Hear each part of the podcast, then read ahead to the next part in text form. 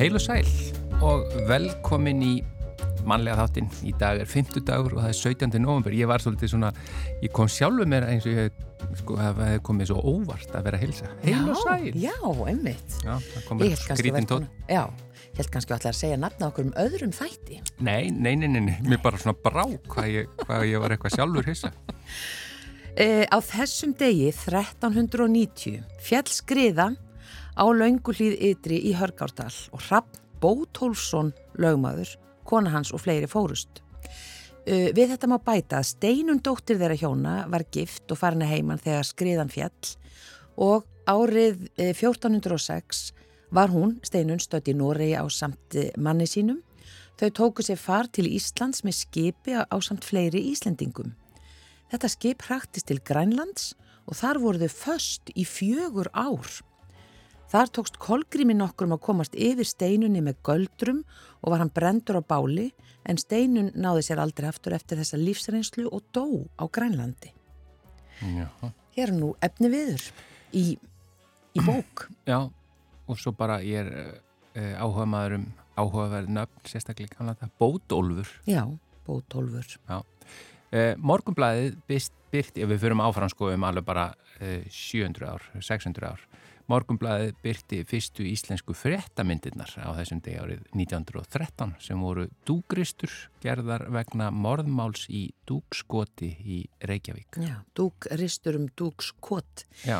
Vikan kom út í fyrsta sinn 1938 á þessum degi og fyrsti rítstjóri hennar var Sigurður Benediktsson. Akureyra kirkja var víð á þessum degi árið 1940 og var þá stærsta guðsús íslensku þjóðkirkjunar. Þrjú hús gjör eðalögust og mörg skemmtust mikið í bruna í þingkoltunum í Reykjavík á þessum degi 1946. Viktor Borge, danskur píjánuleikari og háðfugl, kom fram á tónleikum með Symfóniuljónst Íslands á þessum degi árið 1974. Já, háðfugl. Stórkostlegur uh, grínari og tónlistar. Nú heitir þetta uppistandari. Já, en hann var einhvern veginn samt, samt svo miklu meira. Já, þetta meina háðfugl. Já, háðfugl er bara svona já, já. svolítið flott orð sem heyrist ekki Nei, oft. Nei, mjög fugl, uh, mjög fugl, sagði ég. Spjefugl er líka annað sem, já, sem er svolítið nota.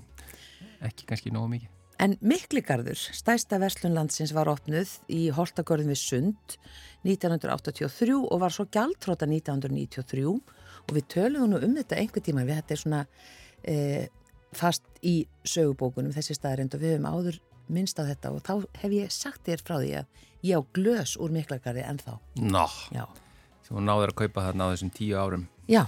Já, uh, en uh, á þessum degi árið 1988 þá var það hún Linda Pétursdóttir, kjörinn ungrú heimur, 18 ára gömul. Já. En að efni þáttarins í dag, háskólakennarar á eftirlaunum með langar einslu af starfi með alkoholistum og e, langar einslu af rannsóknum hafa skrifað saman bók sem byggir á rannsókn nánartiltekið 50 viðtölum við alkoholista sem hefðu verið ánvímu í 5 ár eða lengur. Viðmælendur bókarinnar voru spurðir hvað þeir hefðu gert til að, eða þau hefðu gert til að takast e, á við það að vera vímulaus svona lengi og svo voru þessi svörin svona tekin í þemu og niðurstöðuna sem voru mjög afgerandi eru síðan byrstar í bókinni og við ætlum að heyra meir um þær hér og eftir.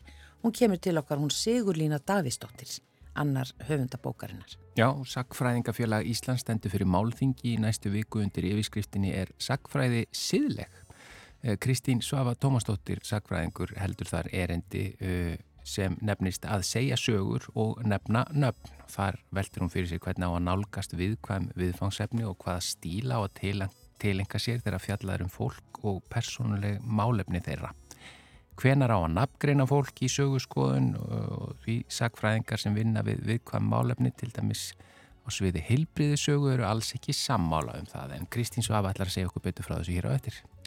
Herdís Arnalds hefur haft óbylandi áhuga á trjárækt og plöntulífríkinu frá barnæsku og hún stopnaði fyrirtæki fyrir stuttu síðan, hjálpar já, fólki þar að halda lífi í plöntunum sínum í gegnum svona plöntu áskriftaþjónustu og sendi leiðbynningar og fróðleik á samt upplýsingum um hvenar þarf að umpotta, hvenar er hendut að taka afleggjara og svo framvegis. Já, uh, en við byrjum á tónlist eins og alltaf, þetta er Ragnheður Gröndal og lag lægið Ferrari.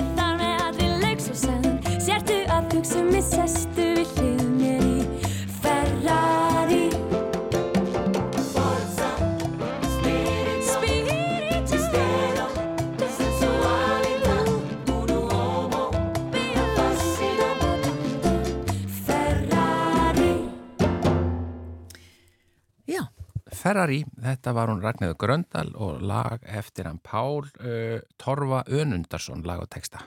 Já, Texti. og uh, við vorum að segja frá því hér í kynninguna, við ætlum að uh, forutnast aðeins um bók sem heitir Sigurinn liggur í uppgjöfunni og, uh, og undirtitillin Allt hálká greindist okkur gagslust og höfundar þessara bókar eru þau Sigurlína Davistóttir og Ragnar Ingi Aðastinsson og Sigurlína er komininga til okkar velkomin. Takk fyrir. Og það eh, þið eh, tóku viðtöl, 50 viðtöl, það er það sem þessi bók eh, gengur út á. Þetta er rannsókn, 50 viðtöl við alkoholista sem hafði verið án vímu í 5 ár eða lengur og svo viðmælendur spurðir hvað hef, þau hefðu gert til þess að takast á við það að vera vímulaus svona lengi og síðan hefur skipt þessum svörum í svona þemu segð okkur aðeins bara svona frá þeim. Já, já, ég ákvaða greina við tölinn á hefðbundin hátt. Þetta er eiginlega ansók og uh, byrjaði á því að finna þemu. og var komin langt á leið með að finna þemu komin nokkur þemu þegar ég fór að renna í gegnum þetta og átta mig á því hver er eiginlega undir tótnin að öllum þessum þemum? Og það reyndust vera sporin 12 í A-samtökunum Já. og þemun sem að fimm þemu, fyrstu fimm þemun voru algjörlega samhljóða sporavinnunni. Og þegar ég hef búin að finna þetta þá, þá greind ég öll gögnin bara út frá þemunum þess, þessum þemum. Og þessi fimm þemu voru fyrst uppgjöf síðan æðri máttur hreinskilni skapgerðarbrestir og fyrirgefning. Og svo kom út úr þemunum tvö önnur viðtöl sem voru sko hvað hafi breyst? Hvað breytist í lífi fólks við það að, að gera þetta og svo ráðleggingar til nýliða við báðum þau í lokin að ráðleggja nýliðunum sem verður að koma inn hvað þeir þyrtu helst að einbeita sér að. Þessi Já. þemu sem þú telur upp þau eru þá semst, hlutir sem að, e, þau eiga flest sameinleg í þá þessari glímu eða er það, er það í þeim þessum þemum fælst það sem að hjálpaði þeim að losa sig úr, úr fíkninni? Hvort vekkja sko. Já. Þetta var það sem þau notuðu til að losa sig úr fíkninni Já. og þegar ég fór að skoða þemun þá sá ég að þau voru alveg samljóða sko. Fyrsta sporið er við viðurkendum vanmátt okkar gegn áfengi mm. og við með öfnum og að við hefðum ekki lengur stjórn á eigin lífi. Og þú segði hvað? Uppgjöf? Það er uppgjöf. Uppgjöf, já. Það er, þar likur sigurinn. Þú getur þetta ekki. Það er ekki hægt nema þú byrjir á því að skilja að leiðirnar sem þú hafðir áður farið hafið þau ekki nýst þér. Mm. Og hvað gerir þau þá? Þá treystur þau öðrum til að segja þér hvaða leiðir eru færar. Já, það snýst um það ekki reynlega að gefast upp, heldur að, að gefast upp á, á að maður sjálfur getur fundið út úr þessu. Já, gefast upp á því sem að sko, lang flestir alkoholistur eru búin að barsla við árun saman og það er að reyna að ná stjórn á neslunni og lífi sínu sjálfur. Mm. Það byrjar engin á því að gamni sínu að gefast upp og segja uh, ég geti þetta ekki. Það, þá þú byrjar ekki þannig. En ef þú gerir það ekki þá gerist ekkert annað. Nei, þannig að það er í rauninni annarkorti eða og uh, það eru spórin tólf sem, sagt, sem, er, sem bara gera þarna gæfumunin sem er þessi rauði þráður sem þú fannst. Já, það er þessi spóravinna Já, það Það reyndist vera þannig, ég byrjaði ekkert á því að, að hugsa það þannig, sko. ég ætlaði bara að fá svona praktískar áleggingar, en svo hljómuðu þessar praktískur áleggingar nákvæmlega samhljóða spórunum. E, næsta þema var sem sagt aðri máttur. Sem að stendur nú kannski í mörgum. Sem að er fyrir mörgum mjög erfiður hjalli, ekki öllum þó, það eru, það eru margir sem að, sem að ná því alveg að eh, nota kirkuna Guð eða, eða einhvers konar samþyktan Guð. En það eru líka mjög margir sem eiga erfitt með það. Já. og það var alveg stórkoslegt að sjá í viðtalunum hvernig fólk hafði leist það. Það hafði verið svo hugmyndaríkt að finna Guð sangvað skilningi sínum á honum því að þannig er sporið. Já. og hvað, hvað hérna getur nefnt okkur dæmi um um aðri mátt. Já, flestir töluðum um A-samtökinn sem sinnaðri mátt. Já. Já, vil deildina sína. Og eh, en svo var ótrúlega margt annað eins og til dæmis náttúruna, eða sem sagt eh, náttúruöflin, þingdarkraftin, e, þegar jörturnar gró á vorin og farfuglarnir rata heim, það er sem sagt náttúran. Mm. Sumur höfðu það. Já. Og eins að þið mamma nýta á einn, ef er einhver að núti sem getur hjálpa mér, þá er það hún og ég byrð hana mm. og, og þetta, þetta var svo indislegt að sjá hvað fólk hafi skilið þetta Já. Af hverju er þetta svona mikilvægt þessi aðri mátur? Er það, er það tengt því að gefast upp eða uppgjöfin að, að, að láta af stjórn? Ef þú getur þetta ekki hvernig er það þá hægt? Ef þú getur ekki náð stjórn á eigin lífi hvað, hvað þarf þá að gerast? Og þá þarf þetta að finna einhvað utan þín sem getur hjálpaðir. Mm. Það má ekki vera persóna vegna þess að allar persónur eru breyskar þess vegna er aðarsamtökin svo, svo sko, aðarsamtökin sem kraftur er ótrúlega stert afl. Já, Þannig, Þú, já, akkurat. það, alveg, það er alveg tækt sem aðri máttur. Þú talar hérna við fólk, uh, þetta eru 50 viðmælendur og sem hafa verið þá edru í 5 ár eða lengur. Já. Uh, svona fannst þér eða var mikill munur á milli sko samtalena við þá sem hefur verið edru lengst? Nei, Nei. það var það ekki, sko. Eh, sko, meðaltal, meðaltal var 25 ár edru af þeim sem við töluðum við. Það var meðaltalið. Eh, sá sem hafi verið lengst, hafi verið 42 ár og styrst 6 ár. Og þetta reyndist vera bara ótrúlegu samhljómur. Það er eins og á fyrstu fimm árunum fari fólk yfir einhverja svona hjalla og eftir það sko, er þetta svolítið svipað sem að það, sem að það lifir við. Já. Það er að segja, það er líka hægt að tólka það þannig, ef þú ferð ekki yfir það á fyrstu fimm árunum, þá nærðu engum 25. Já, Einmitt. kemur í ljósa þessum fyrstu en nú, nú virkar þessa, þessi leið til dæmis þessi tólspóra leið eða A-leið, hún virkar ekki endilega fyrir alla er það, er, hva, hvað segir við því? Það, það má skilja það á ymsan veg, sko. Það, það eru til fleiri leiðir til þess að fara. En í nýri rannsóknar samantækt sem var gerð í Breitlandi fyrir, fyrir líklega tveimur árum, eitthvað svo leiðis, kom í ljós að þetta er árangusríkasta leiðin.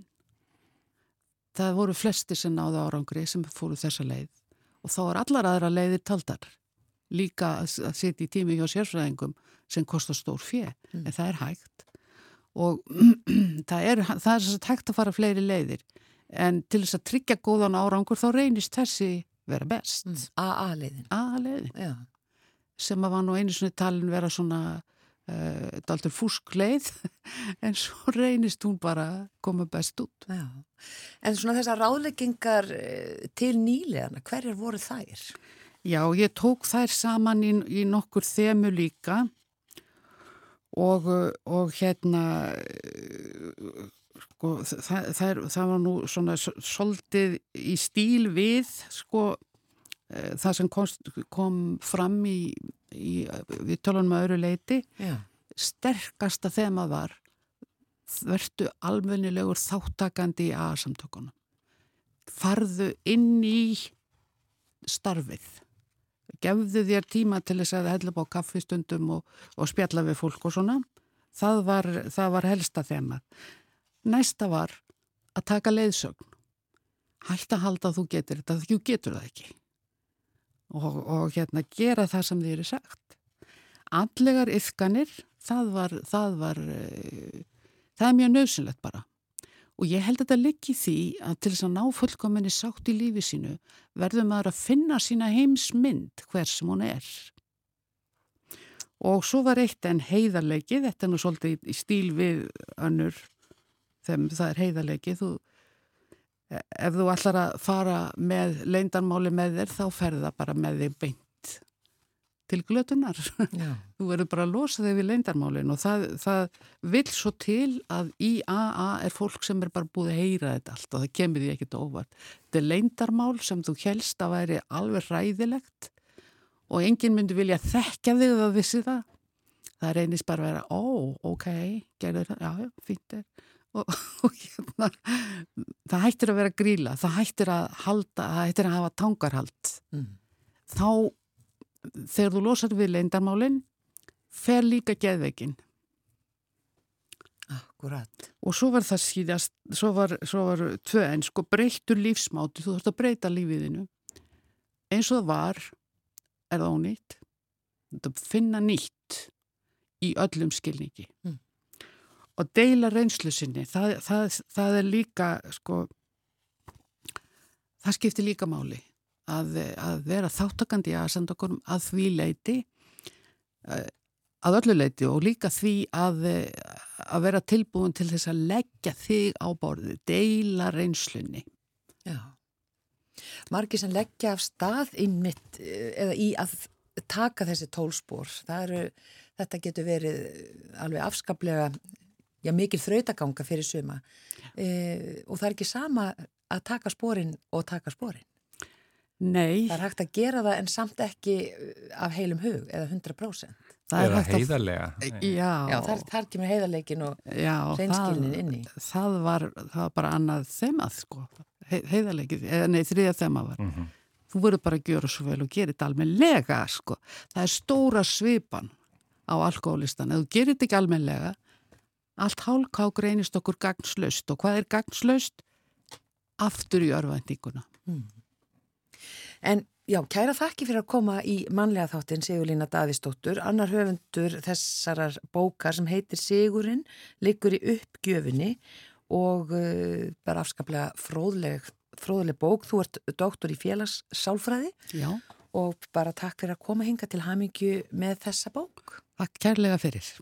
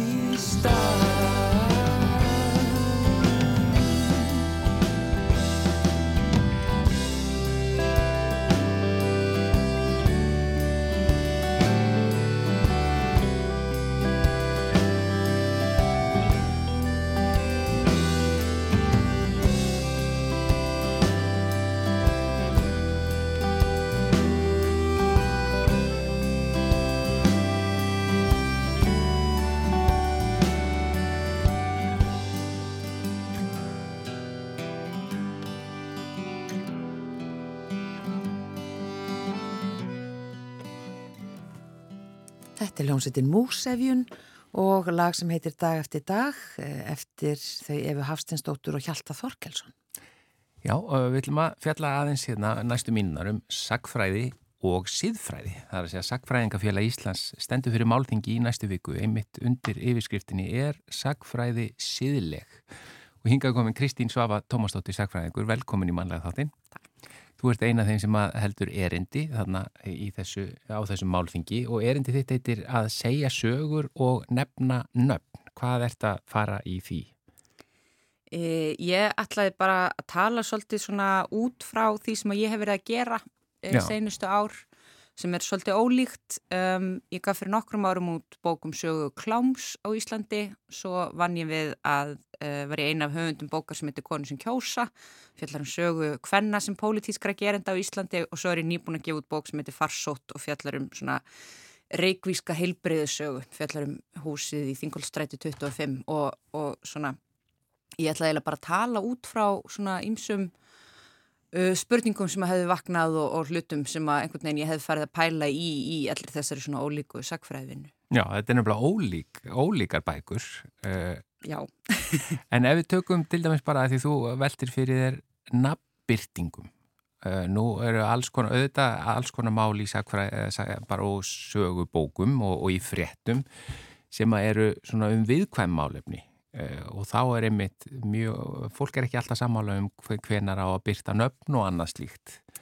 Nei og þessar nafnbyrtingar eru kannski svona eitt svona konkrétt dæmi um einhvern veginn svona, daldi, svona stórar alls, spurningar í rauninni eins og til dæmis í sagfræði um, og þetta er eitthvað svona sem að ég veldi svolítið fyrir mér þegar ég var að skrifa farsótt til dæmis sem að er svona sviði heilbriðsögu og heilsufarsupplýsingar teljast til svona sérstak sérstaklega viðkvæmra upplýsinga. Um, og sko upp að nokkru marki þá leiðbeinir bara lögjafinn manni, bara reglurnar, persónuvendar, lög, uh, eins og til dæmis heilsufarsupplýsingar njóta verndar í alveg 100 ár og svo eru aðra viðkvæmur upplýsingar sem njóta verndar í 80 ár og svona þannig að nokkru leiti getur maður bara fyllt þeim reglum sem eru gildandi.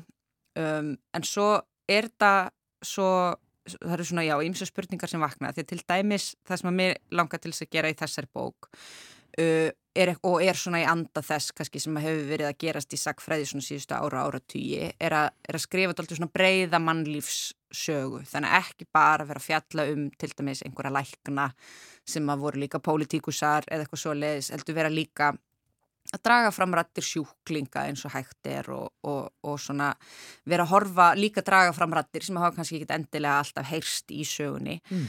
um, en þá er svona það eru ákveðnar spurningar sem fylgja því sem að koma kannski síður upp en maður er að fjalla til dæmis um fólk sem að uh, var mjög áberandi ofinbjörnum vettvangi eitthvað slíkt uh, tjáði sem mikið ofinbjörnum vettvangi eitthvað svoleið sko og þá er einhvern veginn ekki alltaf endilega mjög flókið að sko fjalla um það eh, en maður er að kannski svona gramsa í annars konar heimildum ef maður er að fjalla um, um, hérna, um annað fólk sem var ekki í einhvern skilningi að trana sér fram og ofinbjörnum vettvangi mm -hmm. Einhver staðar líkur einhver lína hvernig úr stórinn ofinbjörn persóna eða? Jú, það er auðvitað líka spurning og svo er náttúrulega bara, þetta er náttúrulega stór spurning sko, er sagfræðin síðileg og ég meina maður veit náttúrulega mörgum tilvíkum ekkert um það hvort að fólk hefði vilja að láta segja frá sér sem luta á sögun eða svo leis mm. en þetta er eitthvað sem fylgir því kannski þegar við erum einhvern veginn að reyna í kannski einhverju skilningi að skrifa líðræðisleiri sögu og breyðari sögu að þá eru við líka farin að vinna með um, já, skon, annars konar heimildir og, og hérna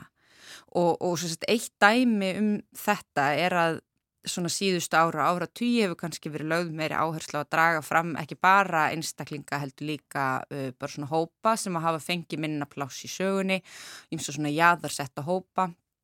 Einn grein sem ég sæki svolítið til í, í farsótt uh, tekur sem dæmi til dæmis fólk með geðsjúkdóma uh, hefur mikið verið skrifað um svona geðhilbriðsögu síðustu ár og þá til dæmis hérna þá getur byrjað að tókast á þetta sko. Þið langar einhvern veginn að hampa einhverjum hópi og kannski einhverjum einstaklingu sem að hafa ekki fengið mikið pláss í sögunni.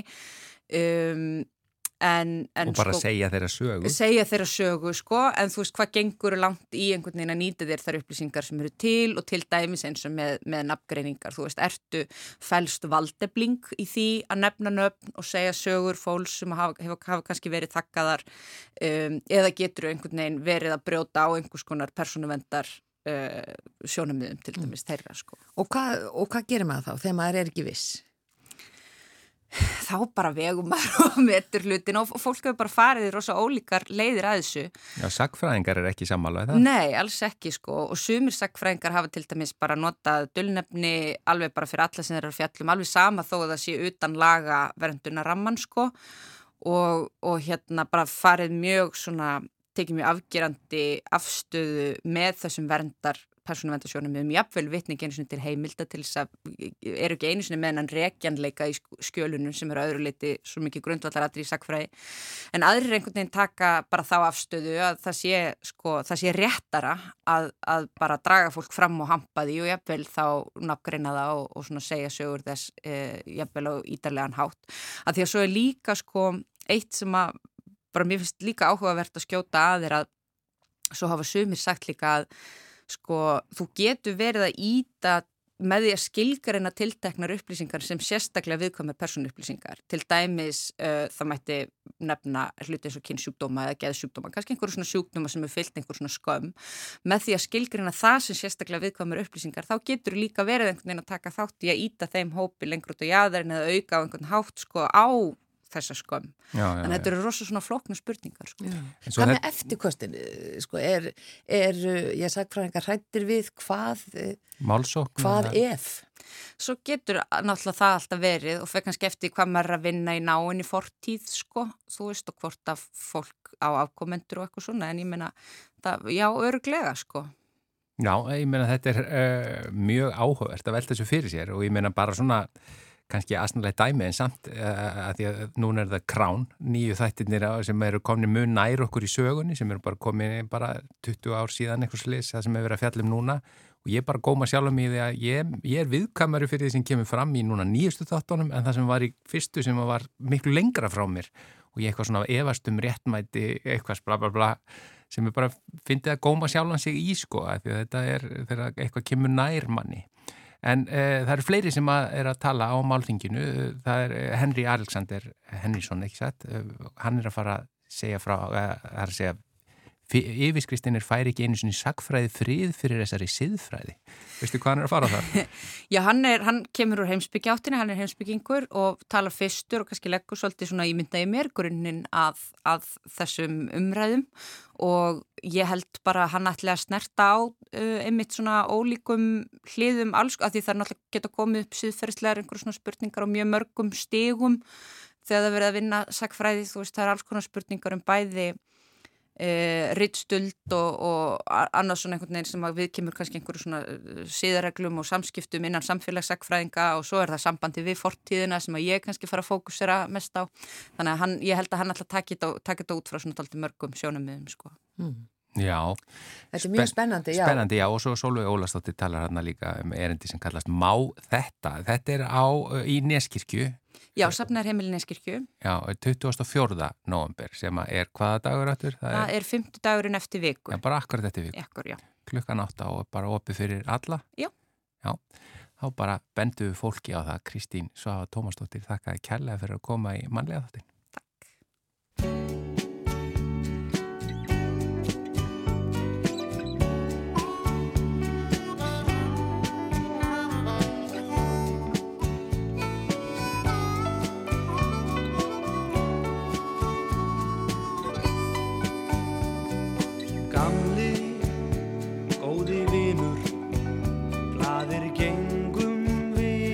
þáttin. skipst á grát og grindar orðum Þú varst ekki betr en ég upp á tækinn furðuleg og eftir skóla ár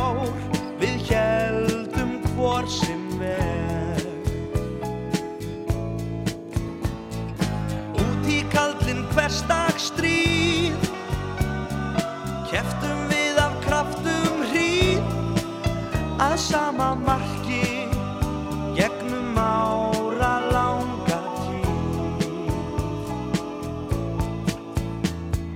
Gamli,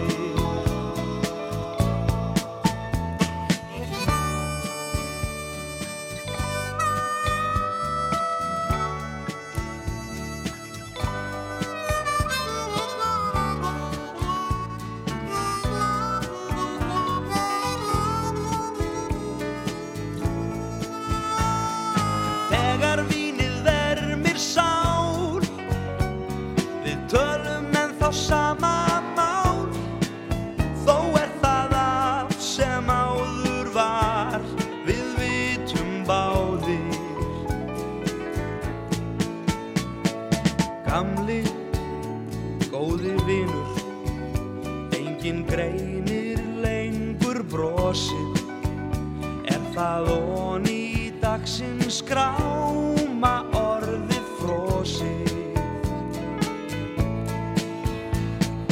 Þú varst ekki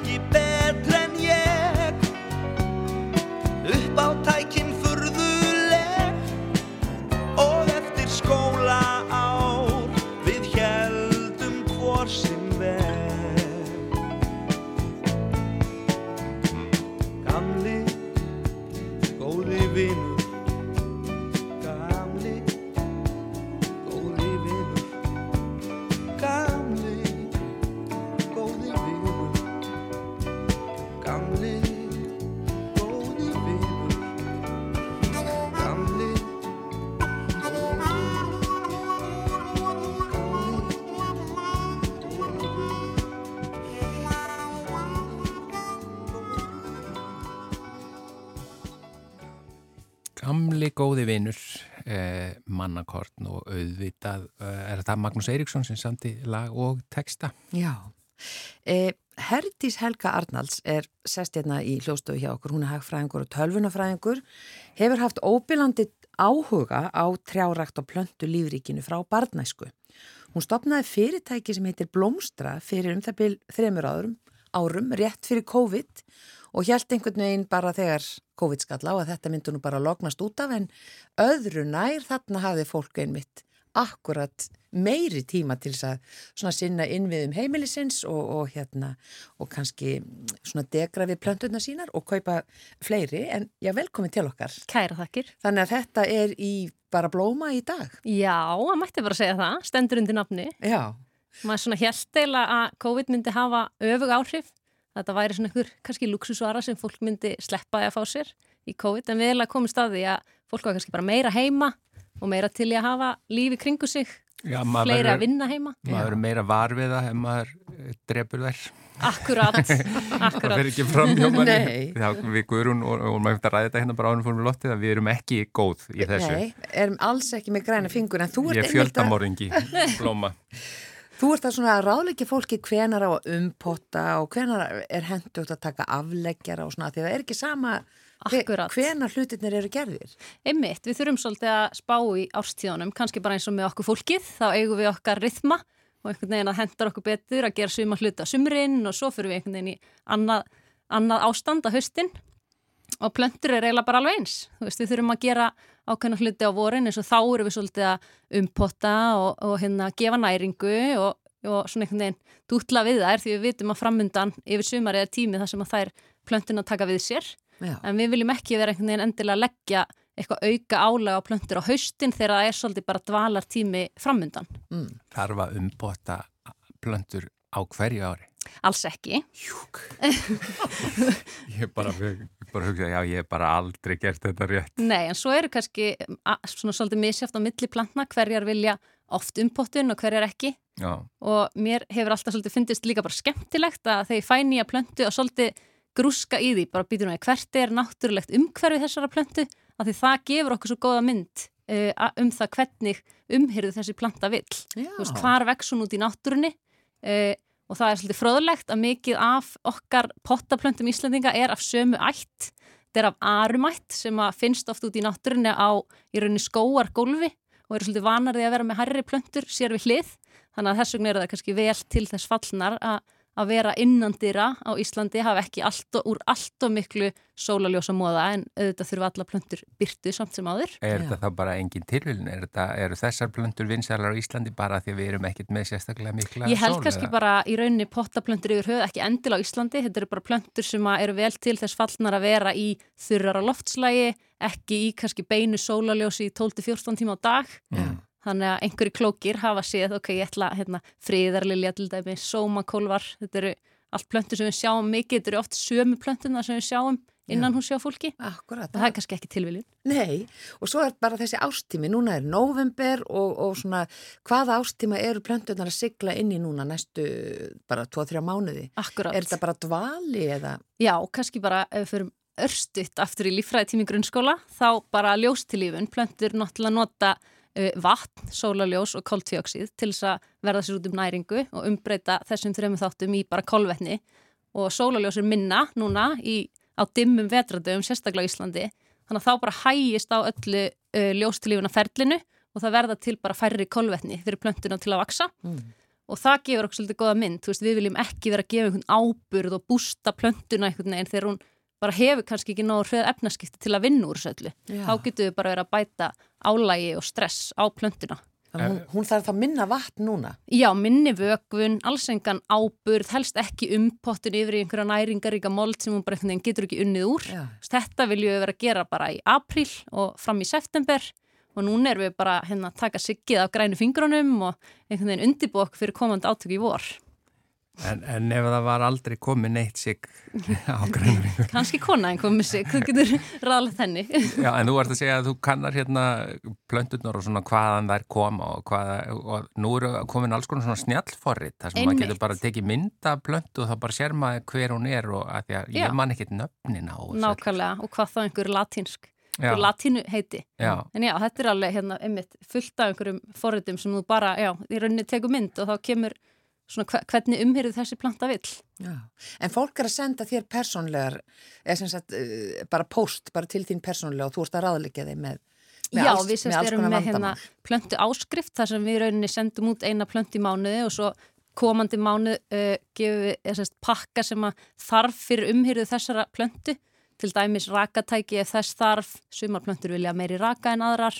Uh, við látum því svo fá þá í rauninni nýja potta þegar átt að umpotta sem er þá í vor, ekki núna um, já, þannig að það er svona ímislegt þetta að gera til þess að halda lífi lengur eða bara Þetta yfir er áskrift. Og fólk Mér er bara þetta- til í að fá sér eina plönt í mánuði. Það, Já, ég held sko svo lengi sem að það fylgir ekki, það kom ekki hver plant í hverju mánu, Nei, þá væri við kannski einhver hérna, íbúðina, Já, já. Ég held, að sko þau sem að kunna þetta þá fyllist íbúðin, en svo fyrir okkur guðrunu þá myndi alltaf halda svona cirka jafn. já, já, það var alltaf jafnvægi. ein plant allavega. Já, Eh, sko hvað er það, er svona, hver er aðal ástæðan fyrir því að fólk drepur plöntur? Já, mér fannst nefnilega mjög áhugavert, ég les mikið um þetta og ég held bara ofvökun sé í rauninni fyrst og fremst já, svona aðal ástæðan og maður heldur alltaf að maður sé ekki að sinna þeim nógu vel en margir eru kannski bara að sinna þeim ofvel í rauninni, Já, við erum bara ofgóð.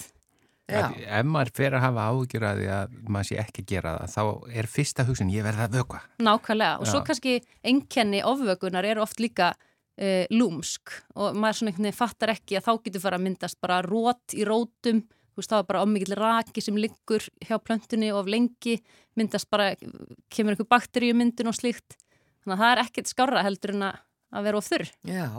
Margir nota úða og svona strjúka af blöðun, strjúka rík og, og eitthvað svona. Er, er þetta gott?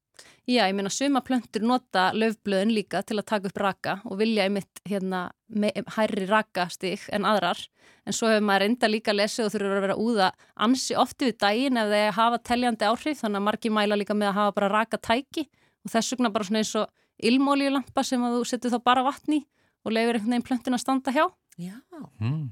Gæti verið eitthvað triks. já. En hvað með svona stórar plöntur versus litlar? Svona fyrir þá sem eru ekki með græna fingur, á hverju myndur þú byrja?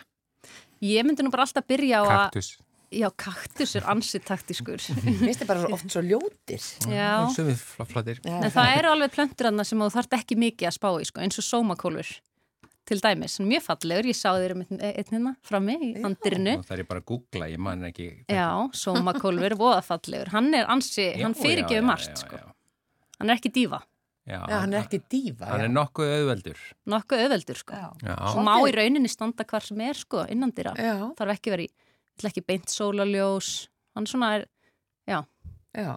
Eh, einu sinni var sko burkni á hverju einasta heimili akkurat. og fleiri neitt. Já, og svo er þetta, er, er, gengur allt í ringi, þetta er mjög, örgulega mikill tísku, það er svona koma tískubilgjur, sko. Og Já. mamma og hérna svona eldri spyrja oft um einhverja plöntur sem við erum ekkit endilega spá í að senda út í áskriftinni en svo fer þetta allt í ringi þannig að við þurfum að vera undirbúin. Já, það er eitt blóm hérna í hljóðstofu. Já. Já. Við, við Gunnar vitum ekki hvaða blóm þetta er. Getur þú greint það? Ég myndi giska á að þetta væri kannski einhvers konar sefflera. Sjefflera. Flera, já. Svona reglífa, e, já, Þú getur eiginlega sagt hvað sem er því að við munum ekki reyngja það. já, að ég bara segja hvað þetta er gerfiblóm. Já, Þetta er nei, þetta er ekki gerfi, Nei, er þetta er það? ekki gervi. Nei, Nei, en, líka bara... Og bara lítið vel út okkur. En sjá til dæmis aðstæðunar hérna, hér er bara nánast ekkert, það kemur, það er engin gluggi sko nema bara, þú veist, við þurfum að horfa í gegnum þrjá aðra glugga til að sjá glugga. Já, Hvað, hérna, er þá svona sjefflera virkar vel í svona aðstæðum? Já ég, kannski væri önnur jafnvel betri sko. En sumir einmitt sko að þeir eru þó allavega með eitthvað ljós hérna fyrir ofan sér sko, einhvers konar leddljós sem gerir eitthvað en ekki, þú veist, það er ekki, það næri ekki alveg hérna rofi, eða hvað segir maður, litrofi sólarljós. Já, já. Þannig að maður myndi kannski, ef maður ætlaði að fara út í ykkur gróðurljósapælingar, vera með einhver betri gróðurljós, en þetta gerir auðvitað eitthvað. já. En sko, er það rétt að maður eigi ekki að stilla blómum út í glugga þar sem sólinn skín? Já, það er alveg suma plöntur sem að vilja mikla byrtu, En, ekki en alls ekki beint sólarljós. Nei, Þá getur beint. það bara að fara að brenna blöðin og já, of mikill hitti og beint sólarljós getur eh, ekki verið gott heldur. Já, En þú segist hvað hafa verið áhuga manneskja lengi en þú segist að það hefði svona fyrst og fremst byrjað eftir þú byrjaði að búa. Það Já, áðan. í rauninni sko. Ég hef alltaf haft áhuga á plöntum en ég finn það alveg þó að móðum mín sé kannski að hlusta að ég hef meira áhuga á mínum plöntum heldur en kannski plöntunum sem ég e, ólst upp með. Það er bara einhvern veginn svona að þetta maður finnur fyrir ábyrð, þú veist, þetta er líf sem þú ert að sjá um einhvern veginn Já. og líka bara fagur fræðum. Ég, þú veist, fann fyrir áhuga að fallegt í kringum mig og, og sérstaklega þegar hérna dætu mínar komið heiminn þá finn ég bara að þær eru strax farnar að hafa áhuga á einhvern veginn að vera með í þessu, Já. sjá þetta vaksa. Ég er hérna, meðlumir í alls konar hópum á Facebook og mér finnst bara ótrúlegt að sjá sumar hérna, eða sum posta hann inn einhverjum eh, plöntum sem eru kannski búin að fylgja þeim í 20-30 ár á milli íbúða og já það er magna. það er magna. Þú leiðrættið núna, sagðir sum. Sum, Er, er, sko, er miklu minna um það að kallmenn síni þessu áhuga, allan sem að þú nemur svona í kringu þig? ég er með ákvæmna kenningu sko, hún getur verið kolröng en ég held að það séu fleiri konur en þeir kallar sem eru, þeir eru sko all in. Já, já. Veist, það er alveg svona, kallar. já það er svona þetta er smá della sko, Já. þá er Já. kannski alla græjur notaðar og þú veist, þú veist, þá alveg svona, Mm. en þetta getur verið kolröng sko. En talar við blómin? Já, ég ætlaði að spyrja þessi. Heim. Ég vildi gæti sagt já sko, ég hugsa til þeirra, Já, ekki, tala ekki. sendir þeim hugsanir. Já, já, já. Hefur þú tölu yfir það hvað þú ert með mörg blóm inn á heimilinu þínu? Mögulega sko aðeins og mörg að þau koma oft svona og taka stutt pitstop í tengslum við þessa áskrift. Já. Mér, ég finn það alveg, mér finnst bara betra jafnvel að vera með færri og einhvern veginn, annars verður þetta svona einhvern veginn á mikið og maður byrjar að sinna hverju einhvern veginn minna og minna. Þannig að ég, það er örugglega ekkit betra að þessu of margar. En allir núna kannski 20, Já. það er nú alveg. Allt í meira, Já, sko. nei, nei, nei, nei. Nei, nei. En takk kærlega fyrir að koma í mannlega þáttin Herdís Helga Arnalds, hagfræðingur og tölvunafræðingur með uh, þetta fyrirtæki, Blómstra, þar sem þú ert að eh, hérna, fjalla um plöntur. Kæra takkir Takk og, og, hérna, og bara gangið er vel. Sem er leiðis.